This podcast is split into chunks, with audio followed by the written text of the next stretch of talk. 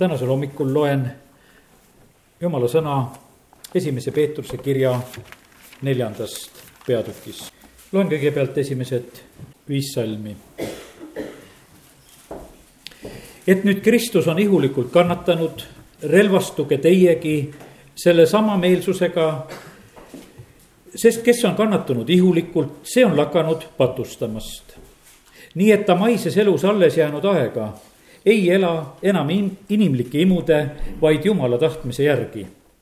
sest te olete minevikust küllalt palju aega mööda saatnud paganate tahtmist täites, elades kõlvatude, kõlvatuses, himudes, purjutamises, prassimises, joomingutes, sündsusetus ebajumala teenistuses. just seepärast nad võõrastavad, et te nendega ei jookse kaasa sellesama ulaelu voolus ja teotavad teid Nemad, kes peavad aru andma sellele, kes on juba valmis tulema kohut mõistma elavate ja surnute üle. piibel on parasjagu paks raamat.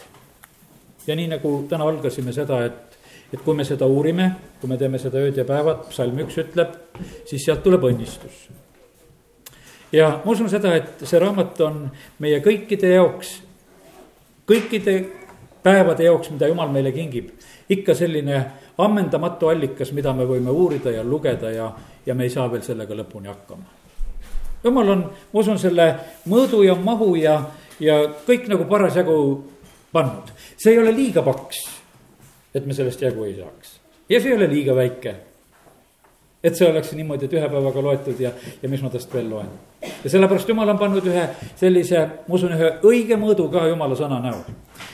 mis on meile ka kirjalikult olemas ja mida me võime lugeda ja uurida ja, ja, ja see on meile õnnistuseks. ja ma mõtlesin, et, et maailm, kus me elame, ühtepidi ta on suur, aga teistpidi ta ei ole üldse liiga suur.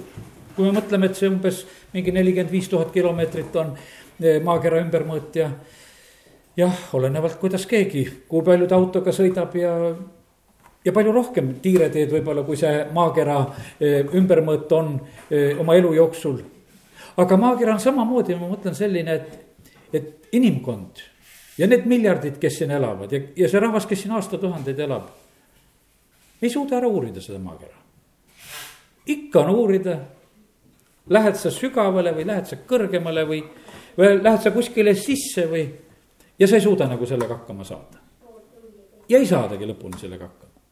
see on täiesti kindel, sest et kui seni ei ole suudetud, siis on, jumal on suurem, ta on kõik loonud nõnda, et, et meil inimestena on avastada, otsida ja leida ja sellepärast täna, kui me oleme siin selles jumala kojas, tahaks soovida seda, et, et, et see oleks nõnda.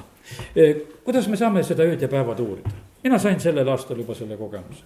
ma sain niimoodi, et õhtul lugesin, mõtlesin sõna, mõtlesin, et ei saa nagu kõigest aru rääkisin naisele ka, ütlesin, kuule, et kuidas sina seda sõna mõistad. no tema mõistis ka kohe midagi.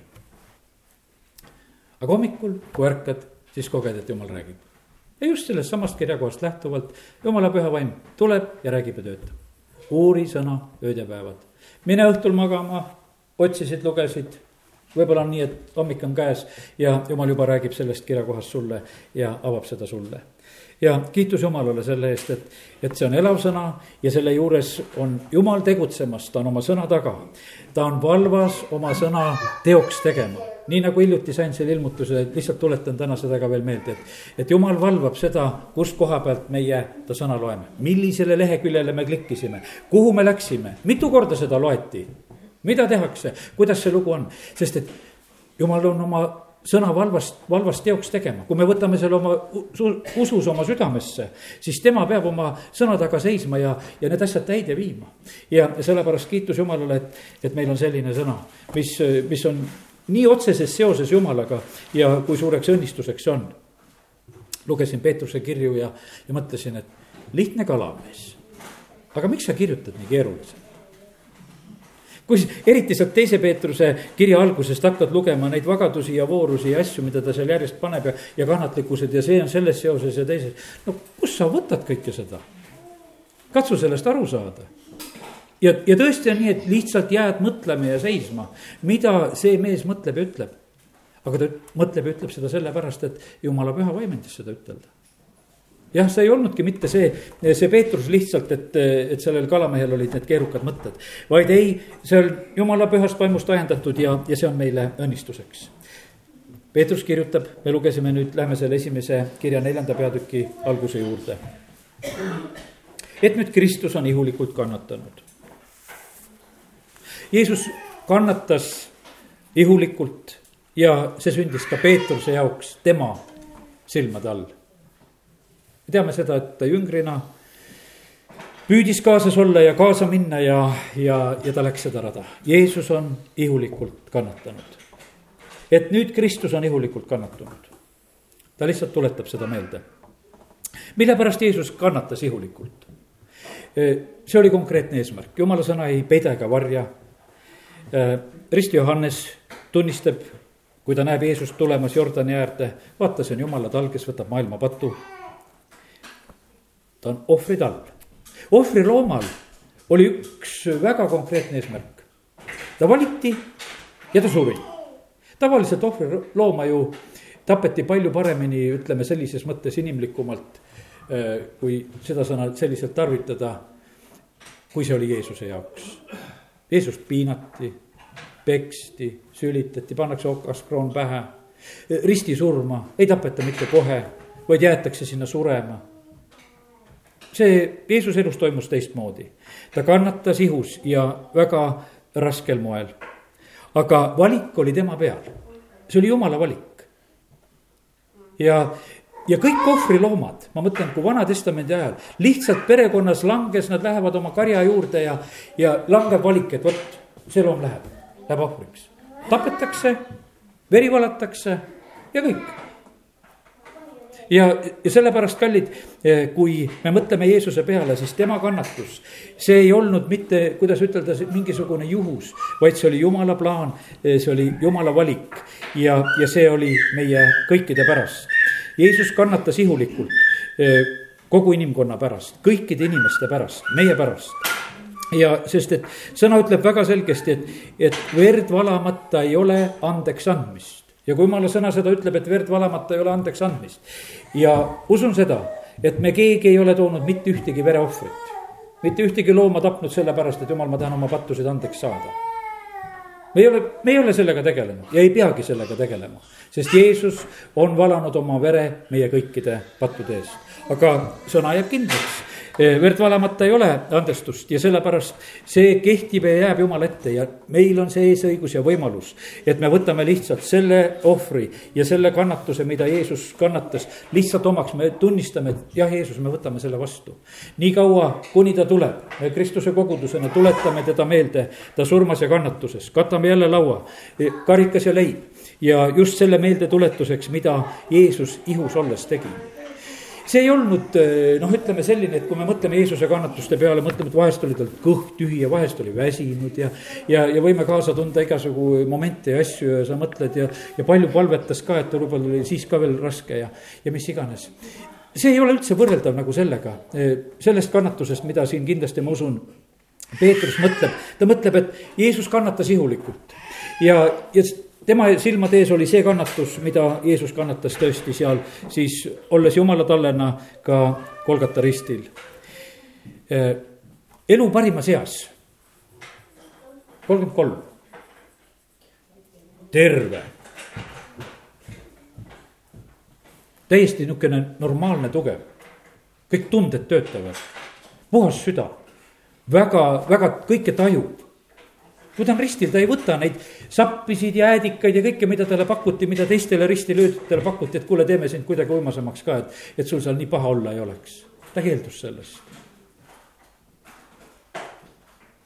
ta läks, ma ise mõtlesin, et ma ei tea, jumal on loonud eh, inimesele selle, et, et kui on väga raske, et siis tuleb šokiseisund ja olen ise seda kogenud, et kui vahest mõni, mõni selline suurem õnnetuse asi on, et siis tunned, et kuskilt lülitati see valuaisting välja ma ei tea seda, kuidas oli Jeesusega. sõna ütleb, et ta oli valude mees, ta oli haigustega tuttav. ohvriloomi ei pekstud ju ennem, et kuule, et sa oled ohver, et me peksame su läbi ja siis toome su ohvriks, aga Jeesus peksti. ei pandud okaskrooni pähe. ei taotud siis kepiga veel pähe, kui see oli pähe pandud. aga Jeesusega seda tehti. ta on valude mees, haigustega tuttav ja, ja see ei ole mitte mingisugune selline noh, ütleme, et mingisugune teoreetiline lugu, millest me räägime, vaid see oli väga tegelik sündmus, mida Apostel Peetrus tuletab meelde ja ütleb, aga et nüüd Kristus on ihulikult kannatanud, siis ta ütleb, et relvastuge teiegi sellesama meelsusega. Peetrus ei olnud üldse selline kannatuste peale väga mees, vaid ta pigemini püüdis nendest põgeneda. Ja kui Jeesust eh, vangistatakse Ketsemani aias, siis Peetrus on mõõgaga vahel kui Jeesus räägib esimest korda, et ta peab minema Jeruusalemma ja, ja seal kannatama ja surema. issand, ärgu sulle seda juhtugu. tal olid teised lahendused kohe olemas ja ja ega ta ei otsinud üldse sihukest tüli endale, isegi kui ta Jeesus seal järgneb, järgneb talle seal, kui Jeesus on juba vangistatud ja. ja kui küsitakse, et oled sina ka nende hulgas, siis ta salgab selle maha, sest ta kartis, et talle võib sellest kannatust ja häda tulla. ja igati ta mõtles, et kuidas nendest kannatustest ja asjadest pääseda. täna ma ei õpeta seda, et me peaksime oma elus otsima kannatusi ja hädasid ja see salm, mida me täna lugesime siin esimese Peetruse neli üks et eh, kes on kannatanud ihulikult, see on lakanud eh, patustamast. ma usun seda, et läbi aegade on seda, seda salmi ka väga vääralt mõistetud. me tahame patust lahti saada. inimesed te, tekitavad endale ihulikke kannatusi ja probleeme ja, ja ebamugavust ja asju ja mäletan vahest niisuguseid lugusid, et kuidas küll nunnad peavad palvetama, et kui esimene uni peale tuleb siis aetakse üles, et nüüd tuleb palvetama, et kus on kõige raskem. jäid just magama, nüüd on palvele vaja tulla, sellepärast et, et see on sulle kõige ebamugavam. jumal ei ole selline, et, et, et ta meid päästaks selle tõttu, et, et meil oleks võr-, võrratult ebamugav. ei, mitte see see, see ei ole asja lahendus, see, see on hoopis teine mõte, millest siin tegelikult Apostel Peetrus praegusel hetkel räägib. see ei olnud mitte mingisugune kannatuse otsimine, vaid siin Jeesusel ei olnud äh, mingisugust valikut. kui ta tahtis olla isa meeltmööda ja, ja saada kogu inimkonna päästjaks, siis ta pidi seda teed mööda minema. ja, ja sellepärast, kallid, täna, kui me mõtleme sellele, sellele kannatusele ja kus Peetrus ütleb, et, et relvastuge sellesama meelsusega, siis Peetrus on täiesti muutunud mees. ja kui me tema kirja loeme, siis ta räägib korduvalt tegelikult seda kannatuse mõtet.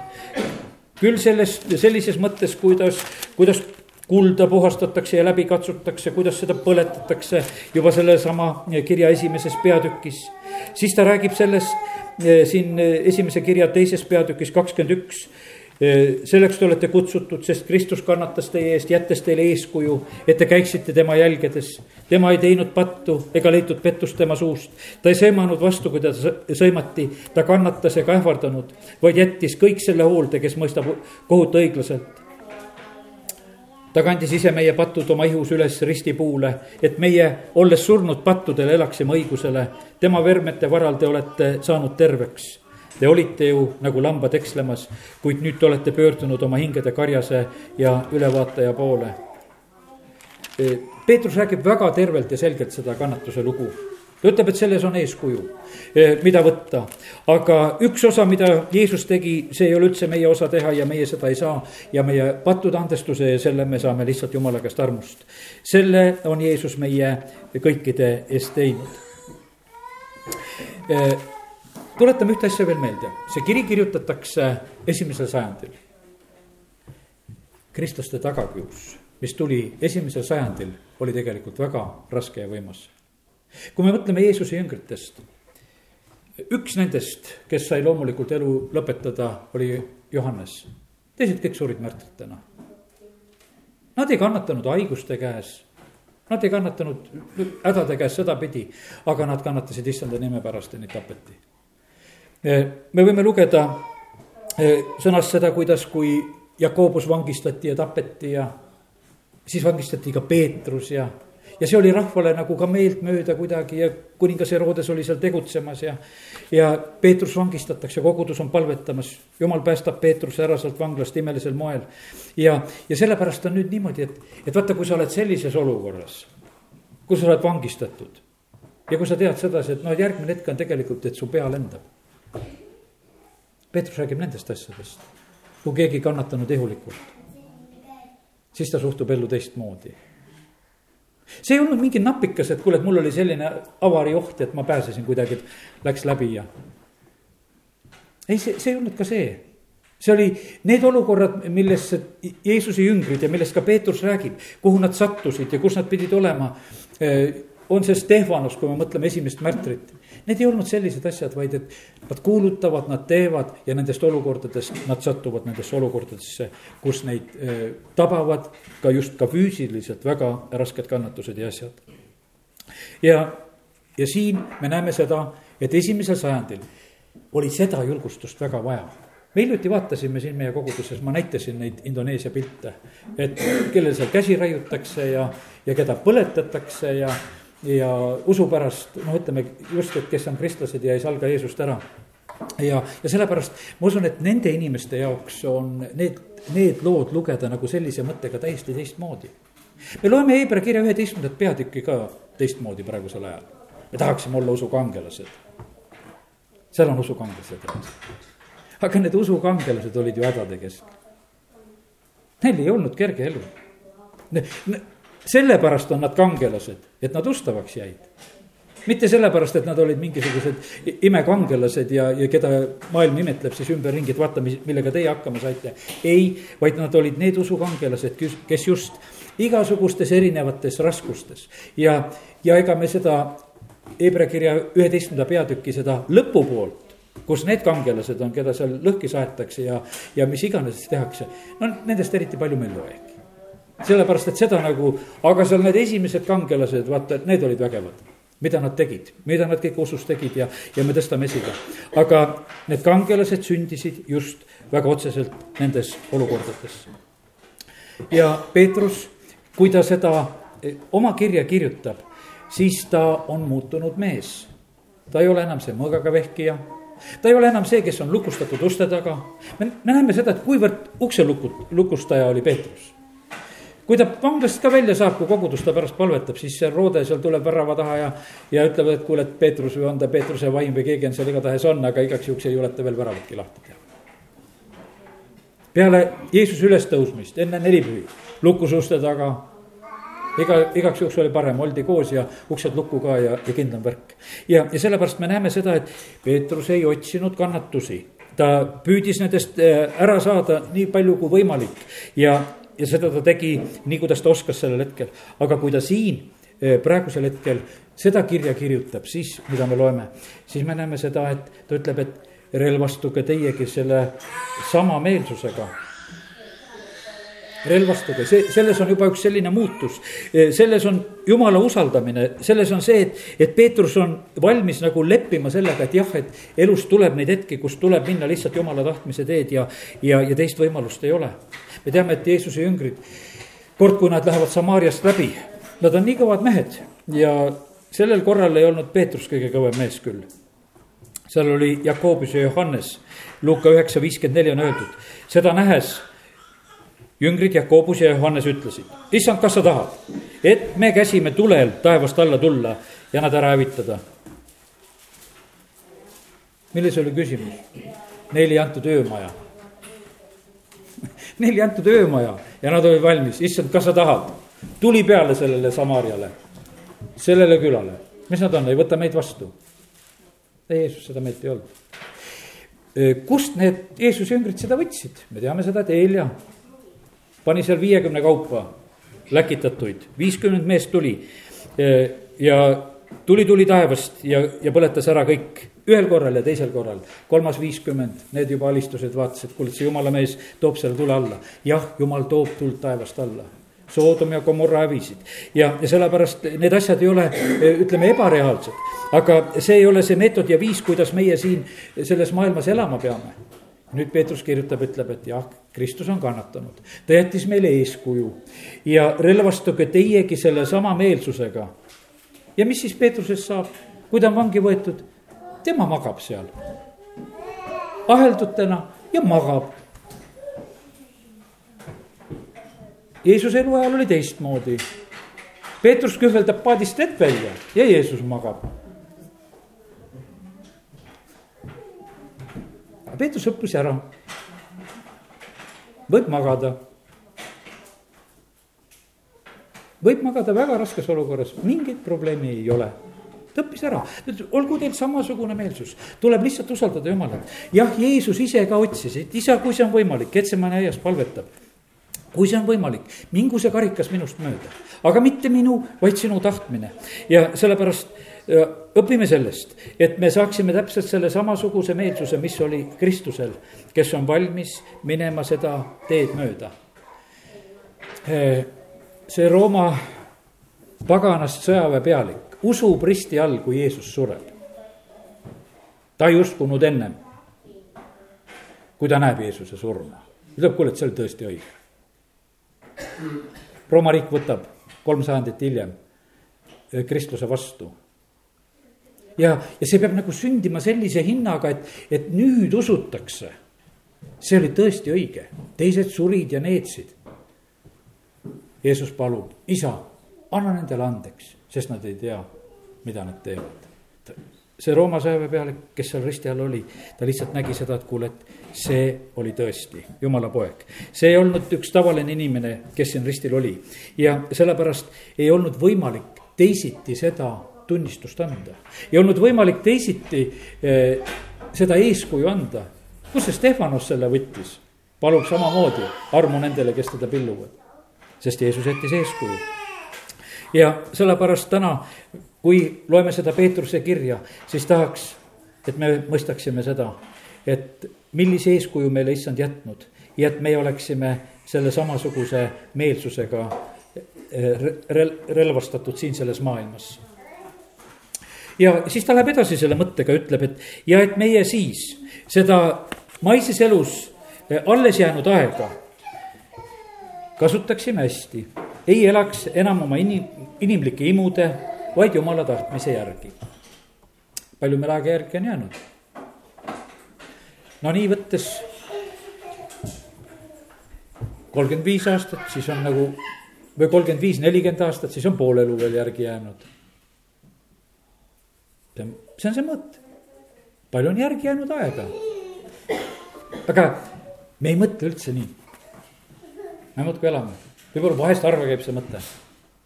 aga kallid, see on tõde. meil on üks aeg, mis me oleme siin selles maailmas. kui me märkame ja tähele paneme, et kui palju meie lähedasi, tuttavaid, õdesid, vendasid, kes on juba puhkama läinud, kelle, kelle aeg on otsa saanud. ja sellepärast Peetrus ta kirjutab, ta kirjutab üldse oma kirjades siin seda ka, et aeg hakkabki ühele poole saama ja, ja lahkumise aeg hakkab lähenema. Aga ta kirjutab nendele, kes veel elavad ja need on need, eh, kes need on, kellele ta kirjutab? see kiri on eh, Pontuses, Galaatias, Kapadookias, Aasias, Bitüünias, ajali elavatele majalistele, kes on valitud. nii ta hakkab oma kirja ja adresseerib selle selliselt. Need majalised tähendavad neid eh, siis sellises mõttes neid võõraid, kes elavad rahva hulgas, teise rahva hulgas ja eks meie jumala lastena oleme ka siin selles maailmas just need võõrad, need majalised, kellede päris kodu ja paik ei ole siin. ta kirjutab nendele selle kirja ja ta ütleb, et, ja et seda maises elus alles jäänud aega, et nad ei elaks enam oma inimlike imude, vaid jumala tahtmise järgi. võib tekitada muret. kas jumala tahe on nii hea, sellepärast et kurat tuleb ja valetab, ütleb, et jumal on selline, ta tahab su elu ikka teha kuidagi piiratuks, keeruliseks. ja jumal keelab sulle head. see on saatana vale. kust tuleb kõik hea? hea tuleb ülevalt valguse isalt. jumal on teinud kõik, mis on hea. ja mida sa üldse elus koged, mis on hea, see on tulnud jumala käest. ma ei mõtle seda head, ka patus on mingit naudingut ja rõõmu ja pettust see jumala hea on selline hea, et see ei lähe üle, et kui sa oled selle nagu ära tarbinud või kasutanud, vaid siis läheb aina paremaks. osa on nendega, mis on nii, et oli hea ja kohe on ahastus peal. mis ta jumal annab, see ei ole seda, sedasorti. ja sellepärast jumala käest tuleb kõik hea ja, ja sellepärast seda aega, mis on üle jäänud Peetrus soovitab, elage jumala tahtmise järgi, usaldage oma elud jumala kätte. ei ole mitte midagi karta, jumal ei keela meie elust eh, mitte mingit head asja meie silmade ees võivad olla mis iganes pildid ja asjad ja võib-olla Eesti rahval kasvõi see, ütleme, viimse reliikvia filmi pilt ja klooster ja kuidas pekstakse ja alistutakse ja ollakse ja noh. täitsa valed sellised pildid ja motiivid ja asjad, mis inimeste silmade ees võivad olla. jumal tahab, et teid saaks palju ja oleksid abielud, oleksid õnnistatud. Philippus, kes Apostlite tegude raamatus korraks meie ees on ühel koha, korral, kui ta seal Gaza teed mööda läheb ja jumala tahtel, lihtsalt jumal ütleb, et mine seda teed. siis ta näeb ühte tõlda seal tühermaal sõitmas ja ta jookseb selle tõlla juurde ja, ja, ja ta leiab seal selle eh, etiooplase, kes loeb seal prohvet Jesaja raamatut ja ta kuulutab talle Kristusest, ristib teda ja kogu lugu lõpeb nagu sellega seal. Aga hiljem Apostlite teod kakskümmend üks kaheksa, kui eh, räägitakse nõnda, järgmisel päeval me lahkusime sealt ja jõudsime Kaisariasse ja astusime evangelist Philippuse kotta, kes oli e, üks neist seitsmest ja jäime tema juurde. temal oli neli tütart, kes olid neitsid ja kõnelesid prohvetlikult. nii et, et see jumala tahtes käimine, pere oli vahepeal, tütred olid sündinud, lapsed olid kasvanud. see käib kiiresti. esimesel jaanuaril sündis mul pojatütar. ja mõtlesin, et ja kümne aasta pärast on ta juba suur tüdruk.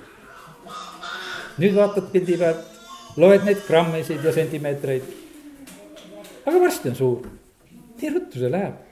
ja siin oli ka, kirjutatakse, läksime sinna, tal oli neli tütart ja nemad seal juba prohveteerivad ja palvetavad ja räägivad. jumal ei keela mitte midagi head, kiitus Jumalale selle eest, et Jumal on tõesti hea Eh, neljas peatükk lõpeb. peatüki piiride tõmbajad on pannud selle nõnda, üheksateist salm. sellepärast ka need, kes kannatavad jumala tahtmise järgi, usaldagu oma hinged head tehes tema ustava looja hoolde. Siin on see seos sees selle esimese salmiga, siin on seos Eh, sellega, kui on kaksteist kuni kuusteist salmid, et ärge võõrastage enestes tulekuumust, millega teid pannakse proovile. nii nagu sünniks teile midagi võõrast, vaid rõõmustage. et nii nagu te olete Kristuse kannatuse osalised, võite rõõmuga hõisata ka tema kirkuse ilmumisel. õndsad olete teie, kui teid teotatakse Kristuse nime pärast, sest siis hingab teie peal kirkuse vaim, jumala vaim ärgu aga keegi teie seast kannatagu mõrtsukana või vargana või kurjategijana või teiste ellu sekkujana. aga kes kannatab kristlasena, ärgu häbenegu, vaid andku Jumalale au selle nimega. Peetrus julgustab, ütleb, et, et selles elus on kannatused, on need raskused ja, ja olukorrad ja, ja sellepärast ärge seda kartke, ärge seda häbenege ja ta sai kindlasti ise kogeda oma elus samamoodi seda, et, et nendel eriliselt rasketel hetkedel ilmub jumala au. kui Peetrus oleks saanud põgeneda ja ta ei oleks vangistatud, siis ta ei teaks, et ahelad langevad käte ümbert, kui jumal tuleb oma päästega. meil ei oleks neid lugusid ja sellepärast, kallid, see on võimas tegelikult, kui me kannatame ja oleme siin selles maailmas ja läheme jumala tahtmise teed ja kus jumala käsi tuleb eriliselt ilmsiks ja, ja on õnnistuseks. esimese Peetruse kolm kaheksateist, sest ka Kristus kannatas pattude pärast üheainsa korra õige ülekohtuste eest, et ta teid juhiks Jumala juurde, olles küll ihu poolest surmatud, ent elustatud vaimu läbi see, et Kristus kannatas, see on tegelikult meile nii suureks julgustuseks. Apostel Paulus, kui ta kirjutab Rooma kirja kaheksandas peatükis ja meie jumala lastena tihti tunnistame seda salmi. kui nüüd teis elab selle vaim, kes Jeesuse surnuist üles äratas, siis see, kes Kristuse surnuist üles äratas, teeb ka teie surelikud ihud elavaks oma vaimu läbi, kes teis elab. kui meis elab nüüd see vaim, kes Kristuse surnuist üles äratas, siis ta teeb ka meie surelikud ihud elavaks ja sellepärast, kallid, kiitus Jumalale, et Kristus on nagu kõiges olnud ees, läinud läbi. jah, ta oli Jumala tall, ta suri meie pattude eest, aga et ta üles tõusis ja üles äratati surnuist, siis see on saanud meile nii suureks julgustuseks, et seesama vaim eh, teeb elavaks ka meid, kes me oleme surnud oma pattudes üleastumistes. ta teeb meie füüsilised ihud, mida iganes me suudame tegelikult uskuda ja vastu võtta, sealt tuleb võimas õnnistus asemele. Peetrus, kui ta neid asju kirjutab, siis ta seitsmendas salmis siin ütleb, esimese Peetruse neli seitse, aga kõigi asjade lõpp on lähedal. olge siis arukad ja kained palveks. ja me teame, et kui ta teist kirja kirjutab siis ta juba vabandab ja ütleb sedasi, et aga mõned ütlevad, et kus on see issanda tulemine ja, ja, ja et kõik asjad ei sünni nii kiiresti. inimesed on vahest väga, väga kärsitud. aga Peetrus ütleb seal teises kirjas, et, et jumala juures on niimoodi, et tuhat aastat on kui üks päev. Kõigi asjade lõpp on lähedal. jumala aja mõõde, jumala aja mõõde on teist, teistmoodi see on täiesti teistmoodi, sellepärast et, et lõpp on lähedal meie, kui ma täna natukese ütlesin, et meil on niimoodi, et kellel on pool elu ja kellel on üle poole elatud ja, ja kellel on veel natukene elada. no see paneb natukese mõtlema. Peetrus ütleb aga kõigi asjade lõpp on lähedal. Mustlehekirjutajad ja need võtavad väga tõsiselt, ikka tihti tuleb neid artikleid, et lõpp on lähedal. Nad on ainult selle salmi selle koha ära lugenud. lõpp on lähedal ja tuleb jälle uus lugu. inimesed kardavad. aga kallid, jah, see lõpp on lähedal see lõpp on lähedal, vaata, kui, kui elu koha pealt me mõtleme sedasi, et, et meie elu igavikuga võrreldes. no kuule, no see on silmapilk, ütleb jumala sõna, üks silmapilgutus. Ma ei tea, oled sa kinni või lahti seda pilgutust tegemas, aga, aga kuskil sa seal oled, eks. kui sellega ühele poole saab, siis on elu läinud nii räägib jumala sõna ja sel-, selles mõttes on ta, no ütleme, lõpp on lähedal niikuinii ja, ja see kaks tuhat aastat, kui Jeesus tuleb siis see tegelikult tunnistas ja kuulutas ja rääkis sellest, et lõpp on lähedal. sellepärast, et viimsel ajal jumal räägib oma poja kaudu, ta saadab oma poja ja, ja see on viimane, kui Jeesus räägib tähendamise sõna, keda Viinamäele saadetakse. viimaks ma saadan oma armsa poja. sellepärast teist ja paremat sõnumit ei tule. see, mida Jumal on andnud, sellepärast saadi piibel kirjutada lõpuni, sellepärast et see oli, jäi Jumala viimaseks ja kindlaks sõnaks ja sellepärast see, mis piiblisse kirja läks, see läks veel esimesel sajandil. ja siis löödi see kaanon kinni, kõik. Nüüd on jumal rääkinud ja selle järgi me elame, usume ja selle järgi me pääseme. ja sellepärast kiitus Jumalale, et, et me võime täna neid meelde tuletada, neid asju, kõigi asjade lõpp on lähedal. ja mis siis tuleb teha? olge arukad palveks, tuleb käia allianss palvenädalal. olge siis arukad ja kained palveteks, tehke seda. inimesed palvetavad. kallid, see on võimas mõelda, et inimesed palvetavad aasta alguses ja sellise noh, ütleme sellise suurendatud jõuga palvetavad. tulgu esile neid ilmutusi ja asju, mida jumal tahab jagada ja sellepärast kiitus Jumalale. vägev asi, mida Peetrus ütleb, et kui lõpp on lähedal, mida siis tuleb veel teha? üle kõige olgu püsiv teie omavaheline armastus. kaheksas salm, armastus katab kinni pattu hulga see on see tõeline jumala armastus, see on see agape. Olgu püsiv teie omavaheline armastus, armastus katab eh, pattude hulga kinni. ja armastus on see täiuslik side, esimese Korintuse kirja kolmteist peatükk, eh, kuidas armastus toimib. seda läheb vaja ka lõpuaegades ja sellepärast seda läheb aastal kaks tuhat neliteist vaja. see on ikka nii, üle kõige olgu püsiv teie omavaheline armastus ja armastusega tuleb vahest lihtsalt otsus teha, et kuule, et armastan ja panen asja korda. Ei pane vastu, vaid võtan armastuses vastu oma õe ja venna ja, ja katsun hakkama saada. ja kiitus Jumalale, et äh, Peetrus seda julgustab tegema. ta ütleb, et olge üksteise vastu külalislahked ilma nurisemata. noh, erinevalt, kuidas meil selle külalislahkusega kellelgi pistmist on. aga siin ta ütleb, et ol-, olge külalislahked üksteise vastu. ja ilma nurisemata, eks nad käisid ringi ja, ja need majalised ja, ja kuidas need tolleaegsed lood olid ja võeti üksteist vastu. Täna hommikul veel, kui seda mõtet mõtlesin, tuleb meelde see, et oma sõjaväeaeg. mõtlen, ma olen kuskil Jessenduki linnas, hiljuti vaatasin kaardi pealt ka need kohad üle, et kus ma seal olin, et need Petigorskid, Jessendukid, Kislavotskid, kus ma seal käisin. no seal, eks see Volgograd on ka seal lähedal ja lihtsalt sellepärast tegin korraks kaardi lahti, vaatasin ja siis ma mõtlen, ma olen seal sõjaväeosas. ja üks äh, usklik perekond, kes elab, ütleme umbes poole kilomeetri kaugusel sellest sõjaväeosast. annab mulle oma võtme, pistab sinna puuride vahele. ütleb, et sa võid minna meie tuppa, panna oma need, ütleme, erariided sinna, sinna kappi sest Vene sõjaväes ei lubatud erariideid omada ja neid selga panna ja, ja see oli täiesti keelatud. ja siis olid mul need eelised. Seal oldi külalisrahvad, mingi Eesti poiss kuskilt tuli, nad usaldasid, neid ei pidanud kodus olema millal mina linnaloa sain või kui ma tahtsin erariides minna, seda nõuti jumala võtta mineku puhul, nõuti minu käest, et ma pidin erariides minema. see oli ühes osas lihtsalt see soov, et kui sa lähed, et pane erariidesse, et Nõukogude sõdur ei käi jumala kojas. oli nende see arusaamine. aga seal teiselt poolt oli külalislahkus. Kelle jaoks sa niimoodi puuride vahel oled võtme pannud, noh, sul ütled, et pole puuriita, eks. aga kellel on aga see on külalislahkus. see on külalislahkus, see on usaldamine. kuskilt kaugelt keegi tuli, ütleb, et ta on kristlane. okei okay., no eks vaimust tunneme tegelikult ära ja seda sai palju kogeda ja näha ja sellepärast eh, Peetrus, kui ta kirjutab, ta ütleb, et olge üksteise vastu külalislahked, ilma nurisemata. eks selle külalislahkusega näed, Hebra kiri, et inglid on vahest vastu võetud ja mis iganes aga kümnes salm ütleb veel, kui lõpp on lähedal, mis veel tuleb teha?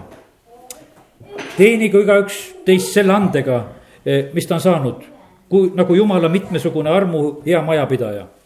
me peame teenima selle andega, mis me oleme eh, jumala käest saanud.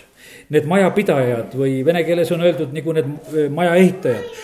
Eh, tegelikult vaimuannid ehitavad ülesse ja sellepärast, kui me oleme saanud ja kui me seda ei, ei pane kasutusse, kui me ei teeni teisi selle andega, mis jumal meile on andnud, siis tegelikult ehitamine nagu noh, viibib.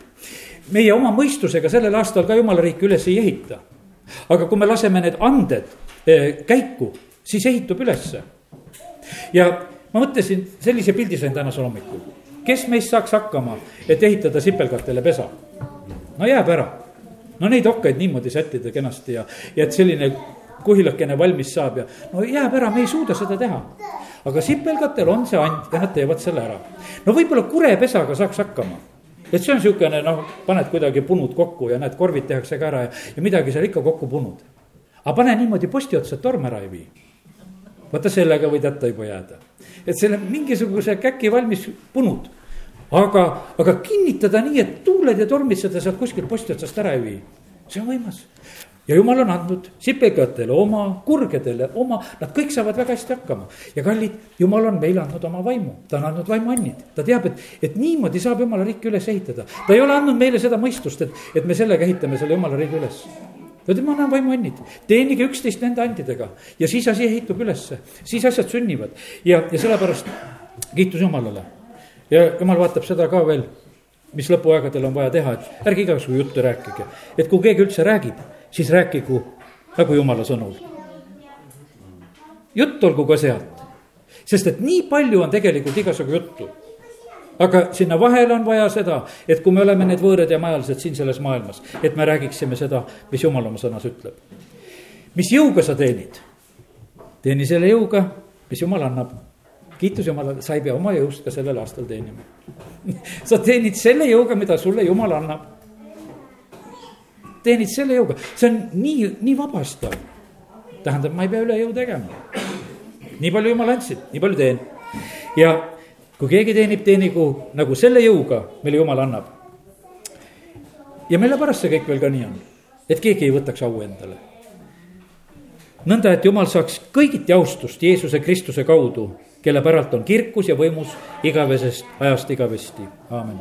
niimoodi räägib Peetrus, et tehke selliselt, teenige, rääkige, jõud Jumala käest ja Jumal peab kõige selle juures äh, au saama. ma ei tea, millised tulekuumused, katsumused, asjad, mis iganes osaks võivad saada, aga see on ka Jumala meetod. Jumala meetod on see, et, et ta vahest päris kuumalt kõrvetab Malakia raamat ju lõpeb sellest, et kuidas jumal neid leivipoegi puhastab, kuidas ta neid seli-, selitab seal. ja ta nagu sulataja tuli, nagu pesupesija leelis. jumal teeb seda väga-väga võimsalt. ta istub, sulatab, puhastab hõbedat, puhastab leivipoegi. ta selitab neid nagu kulda ja hõbedat, siis nad toovad issandale õige ohvrianni. jumal teeb meie juures tööd.